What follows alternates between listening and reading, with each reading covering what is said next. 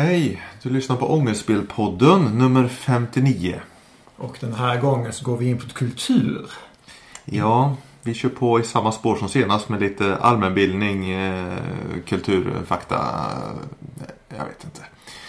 Eh, vi tänkte snacka om Tårtan i det här avsnittet. Det gamla 70-tals barnprogrammet Tårtan. Så nu kör vi!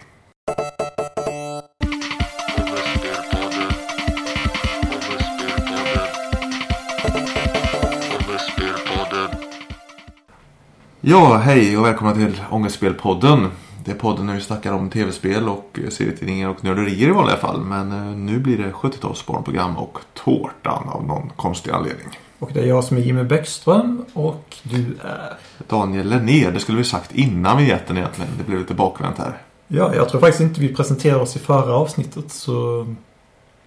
Ja, men nu har vi gjort det i alla fall. Det är det nya, att det är lite kaos och lite dogma och att det blir som det blir, kan man säga. Ja. Eh, frågan är... Eh, Vad tårtan. är tårtan? Ja. Om vi ska börja med det. Mm. Ett barnprogram från 19 1972 som sagt. Sändes på SVT 2. Eller TV2 som det hette då. Eh, var ganska nytt med två TV-kanaler i Sverige. På den tiden. Ja. Ja. Eh, Håkan Andersson och Carl Johan De Geer var det som skapade den här legendariska programserien. och det var 14 avsnitt som var mellan 11 och 13 minuter långa. Så. Och vad både jag och Daniel har gjort, vi har läst boken som Carl-Johan De har skrivit, Tårtan 70-talet och jag. Och vi har både sett eh, alla avsnitten nu av Tårtan nu på äldre dag. Ja, för att fräscha upp minnet var vi tvungna att se hela serien igen.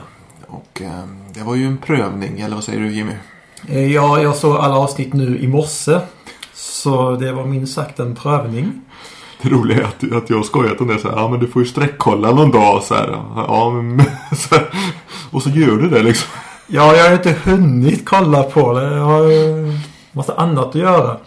Själv tog det, tog det tre, fyra sittningar så här, lite varje kväll. Så här, Vilket hade varit det ultimata att göra. Men du fick ju en snabb, en snabb repris. Eller har du sett det innan egentligen? Saken är den att jag har bara minne av att jag har sett ett helt avsnitt och vi har haft ett helt avsnitt på ett VHS-band. Men jag kommer liksom inte ihåg någonting av de andra avsnitten. Och det avsnittet som jag kommer ihåg är sista avsnittet, Inspektören. Okej.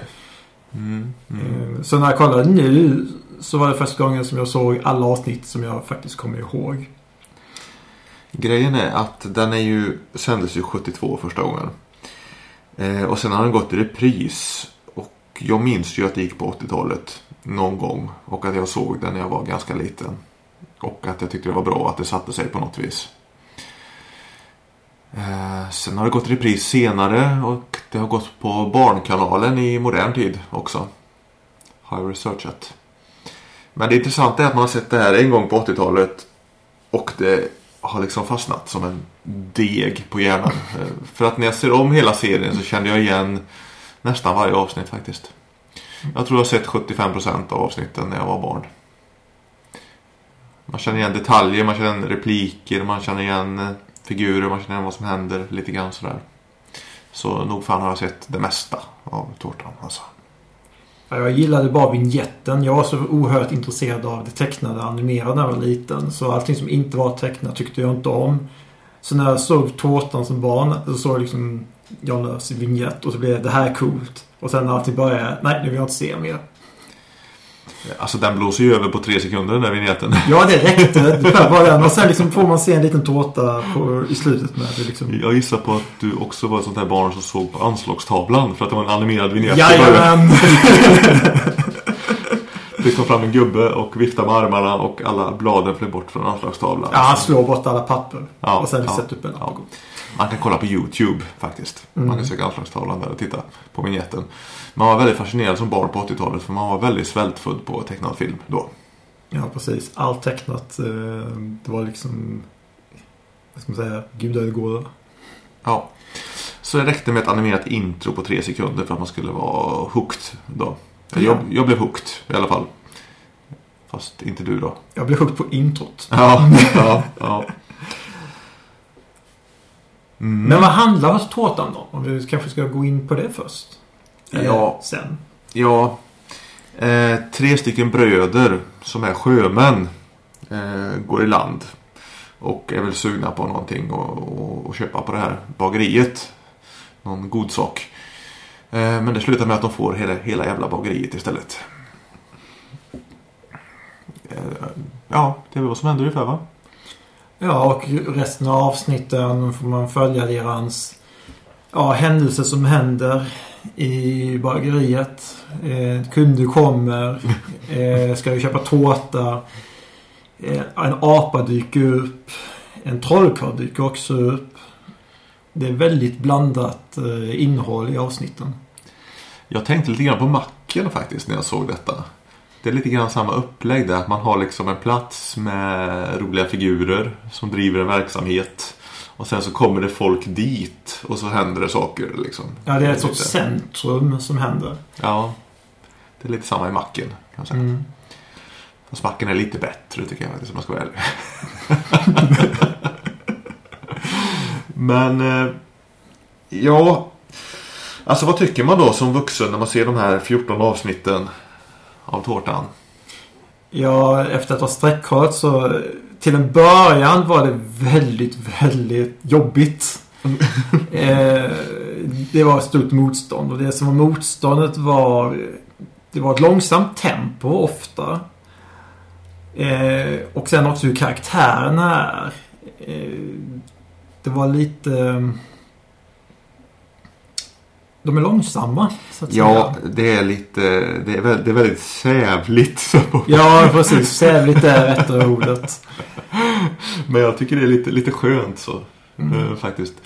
Nu för tiden är det väldigt speedat i barnunderhållningen. Men jag tror att det var efter tre avsnitt. Eh, det var någon gång under apan i alla fall som eh, som jag liksom började komma över den tröskeln. Serien lossnar efter tre avsnitt. Precis. Det var så här, okej. jag vet vad det är för någonting som den erbjuder. Det här är vad som kommer komma. Det är liksom så jag kände. Ja, just det. Mm. Ja, det bör ju sägas att eh, den här tv-serien är ju svartvit då. Vilket i sig är väldigt fascinerande för att eh, tv var ju inte svartvit ens då. Mm. Utan redan då så ville de här Håkan Andersson och Carl-Johan De Geer göra, göra en retroserie kan man säga. Så att det skulle vara ungefär som svenska pilsnerfilmer. Åsa-Nisse och de här gamla buskisfilmerna. Så att eh, käv, kävligt. Eh, sävligt tempo och eh, att man säger så här putslustiga saker. Mm. Och att man har en lösnäsa på sig och en kudde innanför tröjan för att se lite tjock ut och sånt där. Det, det körde man på. Så att man tog egentligen den här vuxenunderhållningen och så gjorde barn en barnvariant av det då. Jag tänkte på det avsnittet när Hilde är deprimerad och röker oerhört mycket. Mm. Det kanske inte någonting skulle visas i dagens eh, barnprogram. Nej, men det, det gick igenom då. Ja. Men det var väl lite Ingmar Bergman-parodi va? Ja, faktum är att många av de här avsnitten parodierar ju eh, riktiga filmgenrer som man säger så. Det är något avsnitt som ska vara lite som en krigsfilm och något avsnitt har en superhjälte som springer på taken där med mantel. Avsnittet med Ingmar Bergman heter Prutten förut. Ja, ja. Och det kommer jag ihåg att jag har sett. Det gjorde stort intryck på mig när jag var i rätt ålder. Faktiskt. Ja. Jo då, så att det är. Men det, det gick att sträckkolla i alla fall. Ja, det gjorde det. Eh, men, men det var... Eh, men det fanns faktiskt många guldbitar i det. Alltså guldklimpar. eh, för det märks att eh, det, det är gjort av ett team som tycker om film. Eh, som till exempel eh, Pälsdjuret innehöll... Pälsdjuret, det avsnittet i sig, det är avsnitt 10 tror jag eh, I sig är ganska... Ja, precis. Sävligt. Men det innehåller många snygga bilder, snygga vinkling, vinklingar. Som till exempel, man får veta vad Janus tänker när, när han ska låta Frasse få ta över butiken. Ja, just det, det är en voiceover och lite sånt där. Ja, voiceover. Mm. Jag tror det är enda gången det är en voice, voice, voiceover. voiceover från eh, någon av eh, varorna så att säga. Just det, man byter liksom berättargrepp liksom mitt i Mm. serien i ett avsnitt. Så. Mm, mm. Jo, det är sant. Och man tänker ju mer på sånt när man är vuxen. Eh, När man är barn är det ju som det är bara när man tittar på ett barnprogram. Liksom. Eh, Men Tårtan hade redan då och fortfarande eh, vuxna fans eh, faktiskt. Eh, Så det sägs att folk träffas och tittar utan ljud och reciterar replikerna och sånt där. Det är nördigt. Ja, det är fan nördigare än vad vi är. Alltså. ja, men alltså ärligt talat. Hur kom vi in på tårtan egentligen? Vad, vad, vad, vad, vad kom först? Hur blev det så här Jimmy? Varför vi börjar prata om tårtan nu? Eh, jo, det var att jag hade börjat läsa, eller så att jag hade läst eh, eh, en annan bok av Carl Johan de Geer. Eh, startpunkt mot... Vad fan heter den? Startpunkt mot noll. Ja, det är en av hans böcker i alla fall. Jag har den i hyllan. Tyvärr så ligger den i andra, ligger den i hallen så jag kan inte se den. Någonting med nollpunkten. ja, mot nollpunkten. Ja, ja. Eh, och eh, det på Instagram. Eh, vad jag tyckte där. Och sen hade Carl Johan de Geer själv skrivit att eh, jag kanske skulle gilla den här boken då, Tårta 70-talet och jag. Och jag kommer ihåg att du har tipsat om mig om den boken tidigare. Men jag har inte velat läsa den. För att jag inte tyckte om tårtan. Men jag tyckte jättemycket om sättet som De Geer hade skrivit. Så, så kände jag att ja, men då ger jag den en chans. ja. Och eh, sen när jag berättade för dig så sa jag att ja, men, om du läser den så kan vi ju podda om det sen. Och så var det det som hände. Ja, just det. Ja, alltså min egen eh, relation till tårtan är ju problematisk. Alltså, eh, som sagt, jag mindes att det var väldigt bra det här barnprogrammet. Och sen vet jag inte om man såg någon skymt av det i någon repris som eh, tonåring eller, eller vuxen eller halvvuxen. Eh, ja, jag tänkte bara, det här är, det här är ju värsta skiten liksom. man fick så lite, så här, eh, lite så här avsmak inför det liksom. Och sen har man liksom levt med, med de här två bilderna av tårtan på något sätt då. Eh, sen kommer jag inte ihåg hur det kom sig att jag köpte det på DVD. Jag tror jag hittade det billigt eller något sånt där. 50-lapp eller något. Så då köpte jag tårtan på DVD. Och när kan det ha varit? Början på 2000-talet? 2005 kanske? Någonting. Jo, jag var inne på gamla barnprogram som var socialrealistiska ganska hårt ett tag. När jag gjorde exjobb och så här på högskolan. Och det var typ 2004-2005 där. Så då tror jag att jag köpte tårtan. Fick titta på det igen. Såg ett, två, kanske tre avsnitt. Och, och, och pallade inte se mer. Så jag la ner mitt i apan-storyn där. och sen så åkte den med till bokmässan den här DVDn. Eh, så för att Jan Löv var ju på bokmässan varje år ett tag. I den här vevan. Eh, så att andra gången jag skulle dit eh, och, han skulle dit så stoppade jag ner DVDn i väskan på vinst och förlust. För jag visste ju att eh, det förlaget som jag var utgiven på med mina böcker skulle ha monter mitt emot Galago-montern där han hängde mycket, Jan Löv. Eller Kartago. Kartago-montern var det. Så jag kan säkert få den signerad tänkte jag vid något välvalt tillfälle. Och ja, det hände också faktiskt. Där. Jag stack fram en penna och en DVD till Jan Löv när han stod på mässgolvet där. Och han signade den. Eh, och jag tänkte jag måste, måste säga någonting också där. Och, och så, man slöpratade lite och gärna med signeringar och sånt där. Liksom, så här. Eh, Men jag var ju inte ett jättestort fan tyckte jag inte. Så jag kunde inte säga så här. Ah, vad bra du är i tårtan. Riktigt. Utan jag bara så här. Du den här apan. Är det, är det DGR som är apan? Och så kollar John Lööf på mig och säger.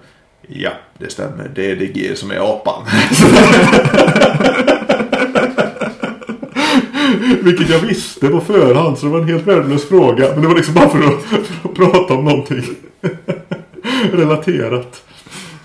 Då hade jag sett ett, ett samtal på scen också med de här två herrarna. Eh, De Geer och Löv. Och jag tror de skulle prata om Lövs barnböcker. Att det skulle landa i det. Men de började prata om tårtan och fastna i tårtan. Hela samtalet. Och då kände jag väl också det att det här, det här är en kultgrej som man borde, borde läsa om och, eh, och, och se igen och kanske podda om och sådär. Så att eh, på den här vägen är det lite grann så. Eh, Så det, det är någon sorts barndomskärlek och någon sorts fascination. tror jag. Eh, Så att det... Jag kan säga... jag kan säga just här för egen hand att eh, när jag såg karaktärerna eh, igen nu på film så att jag hade ju sett dem när jag var liten så jag visste ju hur de såg ut. Men sen nu när jag såg dem igen så fick jag tillbaka så här lite minnesbilder hur jag tänkte om dem. Tyvärr så kommer jag inte ihåg vad jag tyckte om Hilding. Men däremot så Eh, Frasse, eh, utseende av honom i alla fall, eh, gillar jag. Eh, för att eh, påminna om Don Martins figurer. Eh, lite grann. Ja, Eh, även om han Frasse har lite större buk. Men jag tror att, jag, jag är väldigt säker på att jag tyckte att Janos var kuslig. Eh, det är intressant att du säger det för att eh, Jan Lööfs Janos är ju den eh, mest normala människan i gruppen. Ja men det var att han, han såg kuslig ut så att säga. Det var ju någonting där. ja. Löständer. Ja, han har stora eh, tänder som spretar åt alla håll. Så det är nog det lite grann tror jag. Nej, jag, jag, jag kände så här att eh, karaktären Hilding kändes så extremt... Eh, jag kände igen honom så väl alltså. Hans repliker och hans eh, plirande blick och sådär. Så det, det har satt sig på något vis faktiskt. Och sen Frasses utseende som sagt, det, det kommer jag ju ihåg. Men alltså det, det som är provocerande för en vuxen eh, tittare tycker jag att eh, de beter sig som totala idioter alltså. Konstant.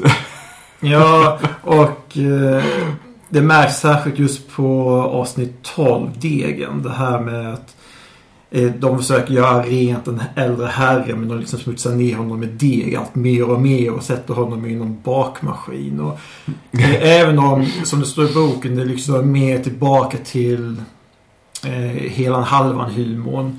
Men det, jag kände att alltså, det här tar emot. Det här är för mycket. Jag, jag klarar inte av att se detta egentligen. Så, det var- så det var faktiskt för några tillfällen som jag liksom var tvungen att vända, vända bort det i huvudet. Så här, jag hör det men jag vill inte se det ungefär. Ja, ja det är intressant faktiskt. Eh, men jag, jag vet. Ja, jag vet inte. Alltså det är väl ganska roligt när man är barn när vuxna beter sig illa. När de gör saker man inte får göra. Det tycker väl barn om. Eller tyckte väl barn om på 70 80-talet i alla fall. Det är lite också här när vuxna beter sig som barn. För det är ju lite Ja. det hållet de Ja. beter sig. Just det här Ja. med Vadå? Att den har varit på golvet? Jag kan ju äta den ändå. Det gör ju ingenting. Nej, Mm. nej. Det står väl i boken där att det var ju riktiga bagare som blev upprörda över tårtan där för att det var sånt ohygieniskt. eh. Men vad är det? Jag som gillar dem. Ja, Så det många som det är ännu roligare. Ja, precis. Så här. Men just att ni drar en hel yrkeskår i smutsen med det här programmet liksom. Så skulle en riktig bagare aldrig göra. Han skulle slänga degen när han varit på golvet. Nej, men det här är film. Ja, jo precis. Det är ju fiktion. Mm. Gudskelov. Ja, men det är just det jag kände också när jag kollade på, på Tårta. Jag tänkte inte så mycket på att det var ett barnprogram. Utan jag tänkte mer på att det var ett kulturprogram. Alltså det var liksom en, konst, det var en konstinstallation jag tittade på. Ja men det har ju blivit det. Ja, Nu. för det... För det blir så här, alltså jag har svårt att ta till mig det här som ett barnprogram. För jag ser, kan vara för att jag läst, läst boken innan. Men det var, jag såg så mycket annat i det. Liksom så här, alltså, de vet ju, jag får uppfattningen att de visste väldigt mycket hur långt de, vad de gör. Eller vad de gjorde. Ja. Ja, eh, märkligt barnprogram är det ju onekligen. Mm. Sen är det den här signaturmelodin, alltså den återkommer ju hela tiden, nästan lite för mycket. Eh, De sjunger ett tårtrecept. Eh, Om och om igen. Det finns väldigt många versioner av den här sången. Jag läste det någonstans, om det var på Wikipedia-sidan eller om det var i boken, att det fanns så här 30 eller 50 versioner av den här sången eller någonting. Och den sätter sig på hjärnan efter ett tag.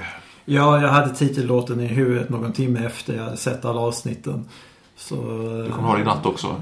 Det kommer, det kommer säkert dyka upp så här, vakna upp av den. Så här bara, socker, grädde, na, na, na. Det är nog inte helt otippat. Men det är väldigt, bra musik är det också. Ja, alltså, till.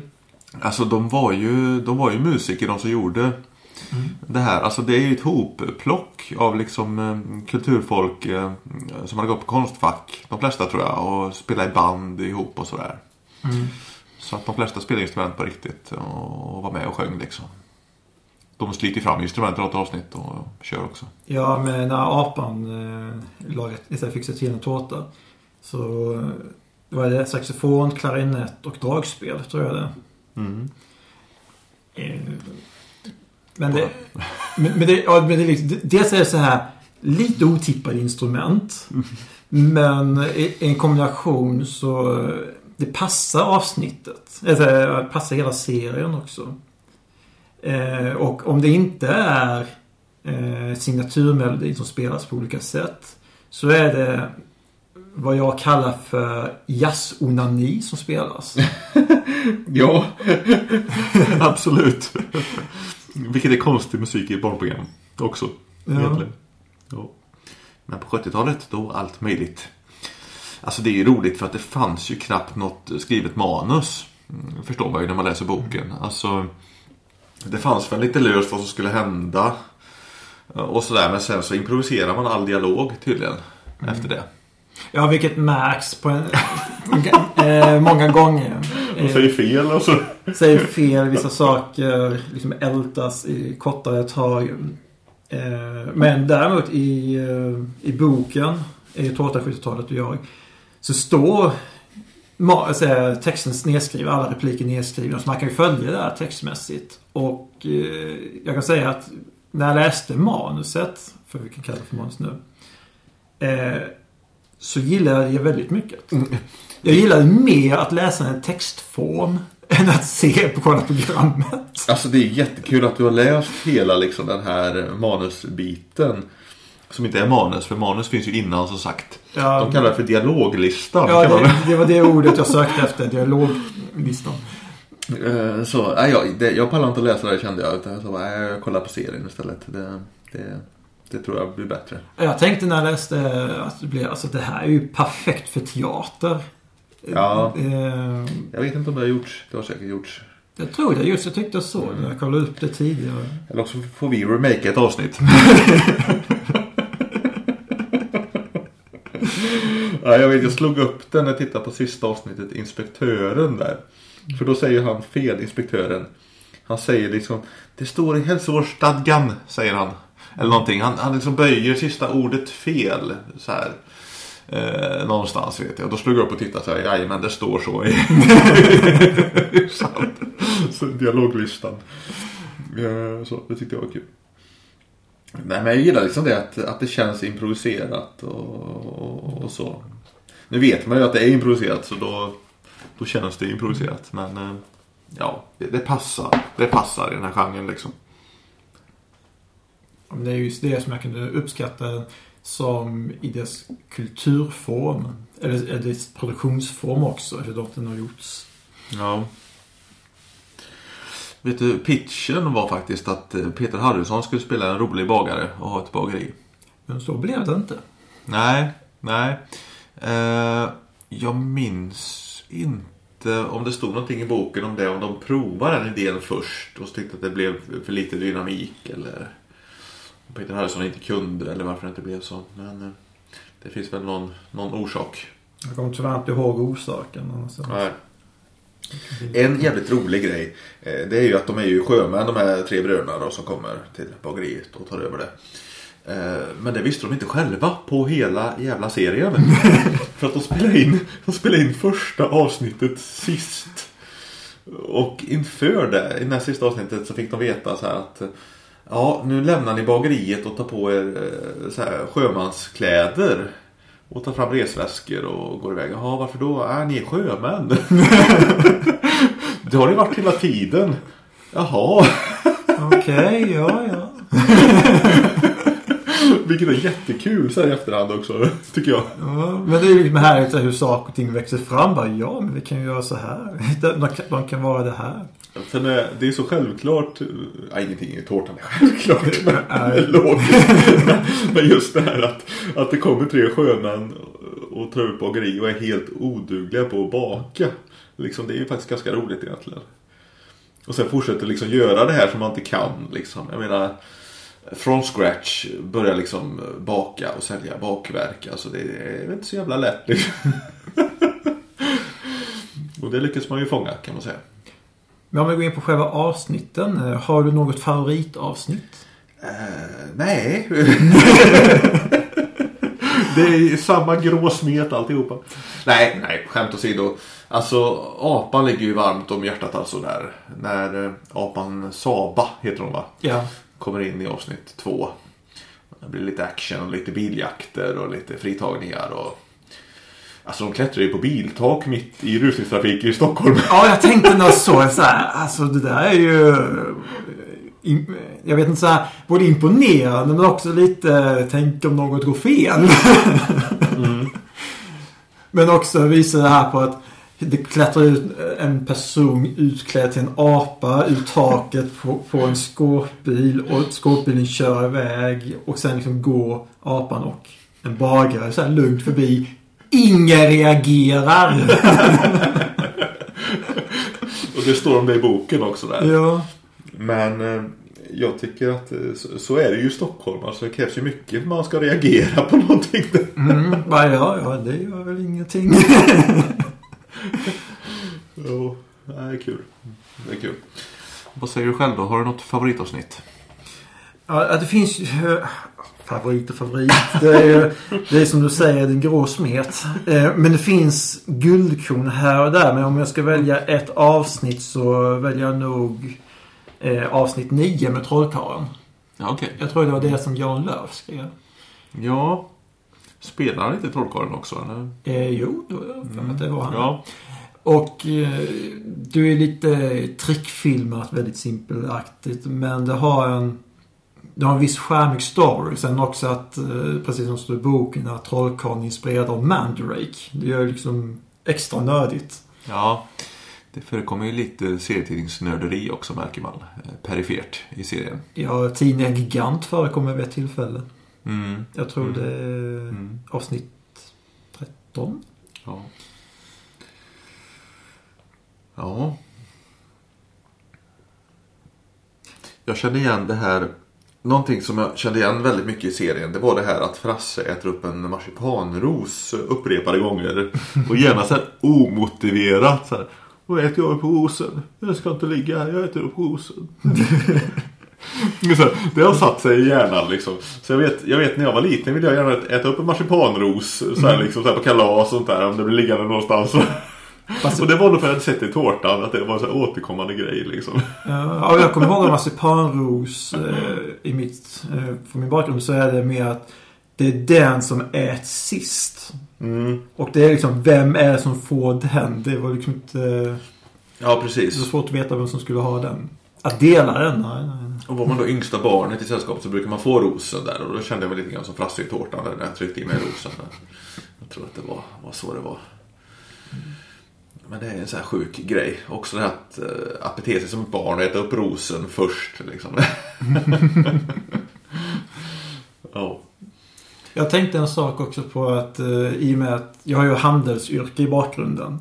Och det var väldigt många saker som var väldigt träffsäkert i, i just handelsyrket. Det här med vad kunder vill ha, frågor som ges och också eh, jag ska ha, jag vill ha, som den här mannen till exempel, så bara, jag ska ha den nu, jag vill ha den nu. Det, jag, jag tränger mig före, jag har inte tid. Men det är också återigen eh, lite som macken. Ja. Det är också där vid, vid disken där i servicebutiken så blir det sådana situationer där det kommer in en kund där och säger att jag vill ha OK-bensin. Det måste vara från OK. Liksom. Det är samma bensin överallt vet du. Nej, jag har alltid tankat på OK. Eh, det kan jag tänka mig lite samma eh, Ja. igenkänning. Så det blev lite så här handelsångest från min sida. Ja. Ehm, Så det är också en sån här träffsäker grej som eh, de lyckades få in. Jag känner lite att Carl Johan De Geer har ju levt ett väldigt roligt liv och gjort väldigt roliga saker hela tiden får man ju lov att säga. Ja, läs den startpunkten som sagt. Den gula boken kan vi kalla den för, för den är gul. Där berättar han om, om sitt liv och det är det, det, det är som säger, det är väldigt fascinerande. Så här, levt i rivningskåkar och tagit sig fram. Mest känd är han för att ha skrivit eh, kuken på svenska flaggan tror jag. Är det? Ja, Eller är det tårtan som är mest kända verket? ja det, det kan inte jag svara på. Nej men jag har tänkt på det liksom att den här Det här konstverket eh, Jag tror det heter Skända Eller Skända fosterlandet Och så är det en flagga som brinner Och så står det någonting "Skän- Skända fosterlandet var onationell eh, Vägra kuken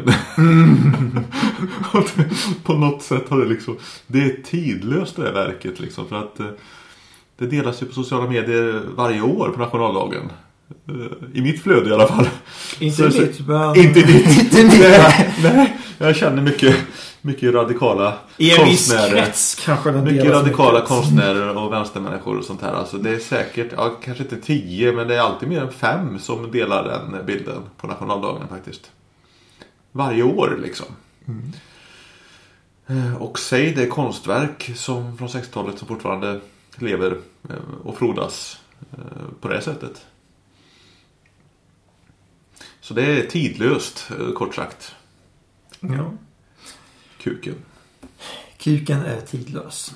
Det finns ju något syskonverk till eh, Kuken-tavlan. Även eh, USAs flagga också. Så här. Och så istället för stjärnor så är det hakkors. Så här. Små vita hakkors. eh, har jag sett. Det är också eh, Carl Johan De Geer. Så han var ju en provokatör samtidigt som han var en underhållare redan tidigt. Och jag, just liksom den spännvidden i konstnärskap tycker jag är lite fascinerande. Och sen är det kul att han eh, går in och, och, och kommenterar på sociala medier och sånt där. När man skriver hans namn och hashtaggar. det är ju lite fascinerande faktiskt. Roligt. Mm. Hur rundar vi av det här svartvita märkliga avsnittet då Jimmy? Ja, vi kan ju ställa en stor fråga om vi skulle eh, rekommendera tårtan eh, till någon som inte har tittat på den tidigare eller känner till den. Jag känner lite så här att man måste nog ha någon ingång i tårtan på något sätt. Liksom. Antingen att man såg den när man var liten och tyckte det var lite kul. Eller att man är intresserad av Carl Johan De Geers konst eller Jan Lööfs eh, serier eller konst. Eller någonting. Någon sorts ingång så kan man nog ta sig an tårtan. Och då tänker jag, se gärna serien. Finns på Öppet arkiv på SVT. Eh, eller på DVD. Eh, och läs gärna den här boken också. Jag eh, tyckte jättemycket om att läsa boken. Jag tycker väldigt mycket om att läsa det här bakom produktionen och saker och ting. Så, eh, så boken kan jag rekommendera också väldigt mycket. Just med tårtan som, eh, som program så kan jag också rekommendera den om man är väldigt filmintresserad. Eh, för det är ju väldigt många filmtekniker som den tar upp där som vi nämnde om tidigare. Och väldigt många eh, smarta filmlösningar. Eh, vilket också, om man har läst boken så blir det, åh herregud, det var ju, bageriet var ju jättelitet. Hur fick de plats med allting där egentligen? Men lyckades ändå få ihop det.